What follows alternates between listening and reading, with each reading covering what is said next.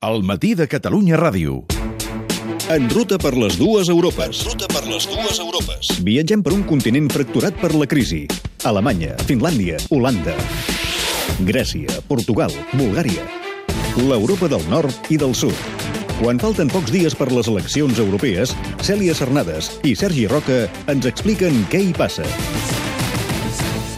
I avui Estònia i Croàcia, dos països que comparteixen històries tràgiques que segur que han deixat rastre en la seva gent. Connectem amb els nostres enviats a Tallinn, Cèlia Cernades i Zagreb.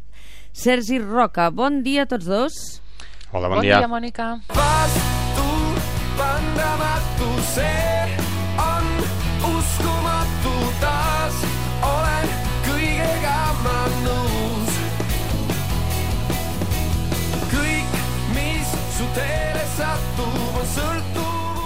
En estoni, aquesta cançó parla de irresistible. Com la resta d'Europa, aquests dos països han viscut una situació de recessió, però se n'han sortit de formes molt diferents. Cèlia, des de Tallinn, com ho ha gestionat Estònia, això? Eh, Mònica, deixa'm fer un primer incís. Aquesta ruta ens està portant, en el meu cas, cada cop més al nord, cada cop més a l'est, i aquí, de primavera, poqueta, eh? Ho havia de dir. Ho Tens un fred capela, no? Val, exacte, exacte. Bé, dit abriga't, això... abriga't. Sí, sí, dit això, a veure, la crisi eh, que va arribar a tota Europa, a Estònia com va arribar, en sona, a través de la bombolla immobiliària. Sí. Què va deixar una davallada econòmica de cop en un any del 15%. Uh, què va fer el govern? Un govern conservador. Doncs va prendre mesures dràstiques, sense contemplacions i sense contestació social. A tothom amb qui hem parlat li ha semblat bé i lògic que el sector públic s'aprimés de cop un 20%, que els impostos s'apugessin per tothom fins al 21%, etc etc. Tan ràpid com va caure, es va recuperar. El 2012 ja van tenir creixement. És l'avantatge, ens diuen, dels països petits Prenem nota, que ens ho comentava l'Andres Einman, que és director del principal diari d'Estònia, el Pòstimes. Sí.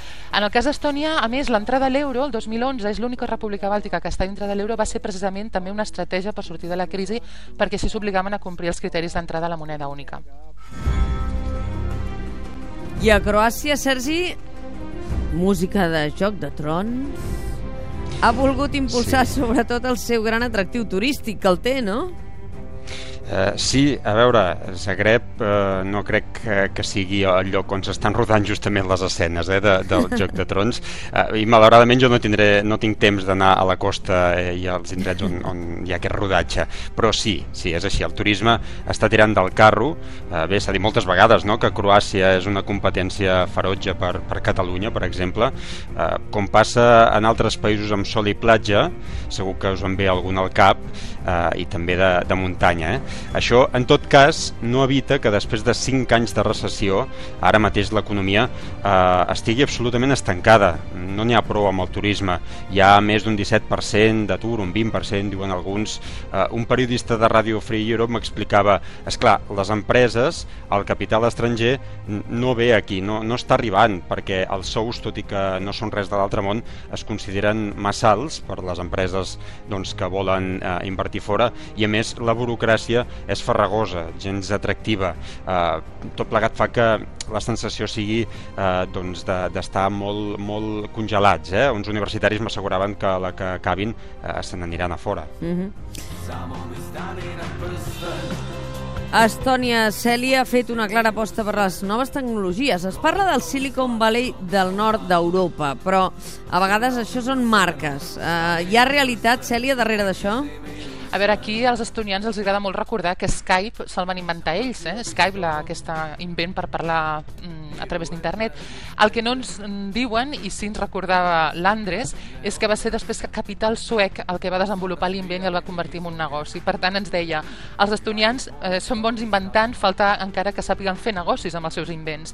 Però, en tot cas, eh, sí que és veritat que el govern ha fet una aposta clara per les TIC, eh, hi ha un accés a internet superior gairebé del 80% entre la població població que té diversos organismes que incentiven les startups, el que se'n diuen startups, i són grups de joves molt dinàmics, amb esperit molt emprenedor, que parlen molt bé l'anglès, cosa que no passa a molts països de l'est d'Europa, que efectivament parlen de Silicon Valley com el seu model i com ens deia un grupet d'estudiants universitaris amb qui vam estar conversant, amb ells no els parlis d'abans del 90 ni dels soviètics, per ells estan ja en una altra onda, eh, ens deien.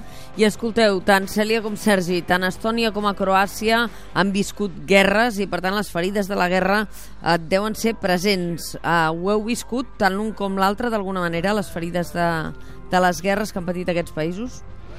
Sí, en el, en el cas de, de Croàcia eh, és evident, eh? et trobes fins i tot pintades ara en, en contra d'un referèndum que es vol, que es vol eh, a favor vaja, de fer un referèndum a una població que és Vukovar a l'est eh, perquè eh, no es pugui eh, posar el cirílic l'alfabet cirílic, eh, utilitzat pels, pels serbis sobretot aquí, eh, com, a segona, com a segon alfabet oficial. Es vol impedir. Um, clar, eh, estem parlant de Bukovar, a l'est, una ciutat encara amb els efectes de la, de la guerra flor de pell um, i, i que on fins i tot a, a les escoles estan segregades, segregades mm. els, nens, els nens croats eh, eh, i els serbis. Estem parlant d'una Croàcia amb un, la majoria de la població, un 89% que, que és croata i la resta són minories.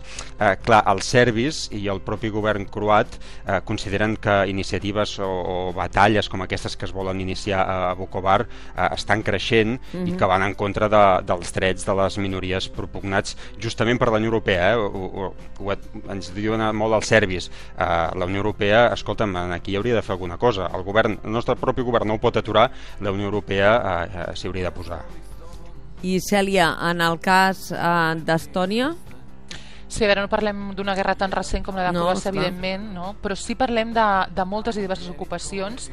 Mira, només a la Segona Guerra Mundial primer la va envair Stalin, després Hitler i després un altre cop Stalin i se la van accionar. No? Llavors aquesta memòria traumàtica sí que pesa molt entre la gent una mica més gran.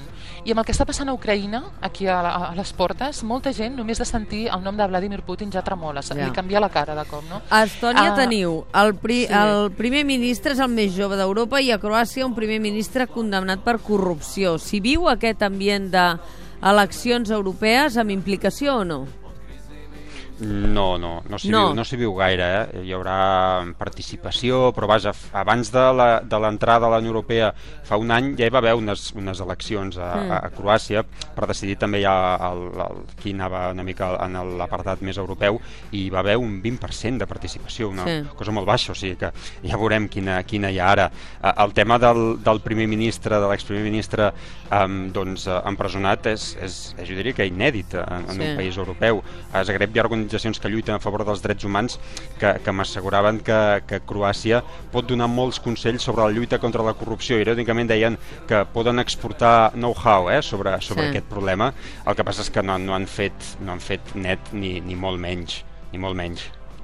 Sí, I es- aquí a, a no, Estònia comentava que, a, com deia el, el, el Sergi a Croàcia, realment el, el tema de l'ambient electoral es veu poc, eh? en tots els països en què hem estat, jo crec que poc eh? s'està veient. En tot cas, aquí a Estònia, eh, el que passa també és que, clar, ells són un país tan petit, només els hi corresponen sis diputats al Parlament Europeu, per tant, Sí. diuen, bueno, tampoc és que puguem influir molt en el que passa Ja. a Brussel·les.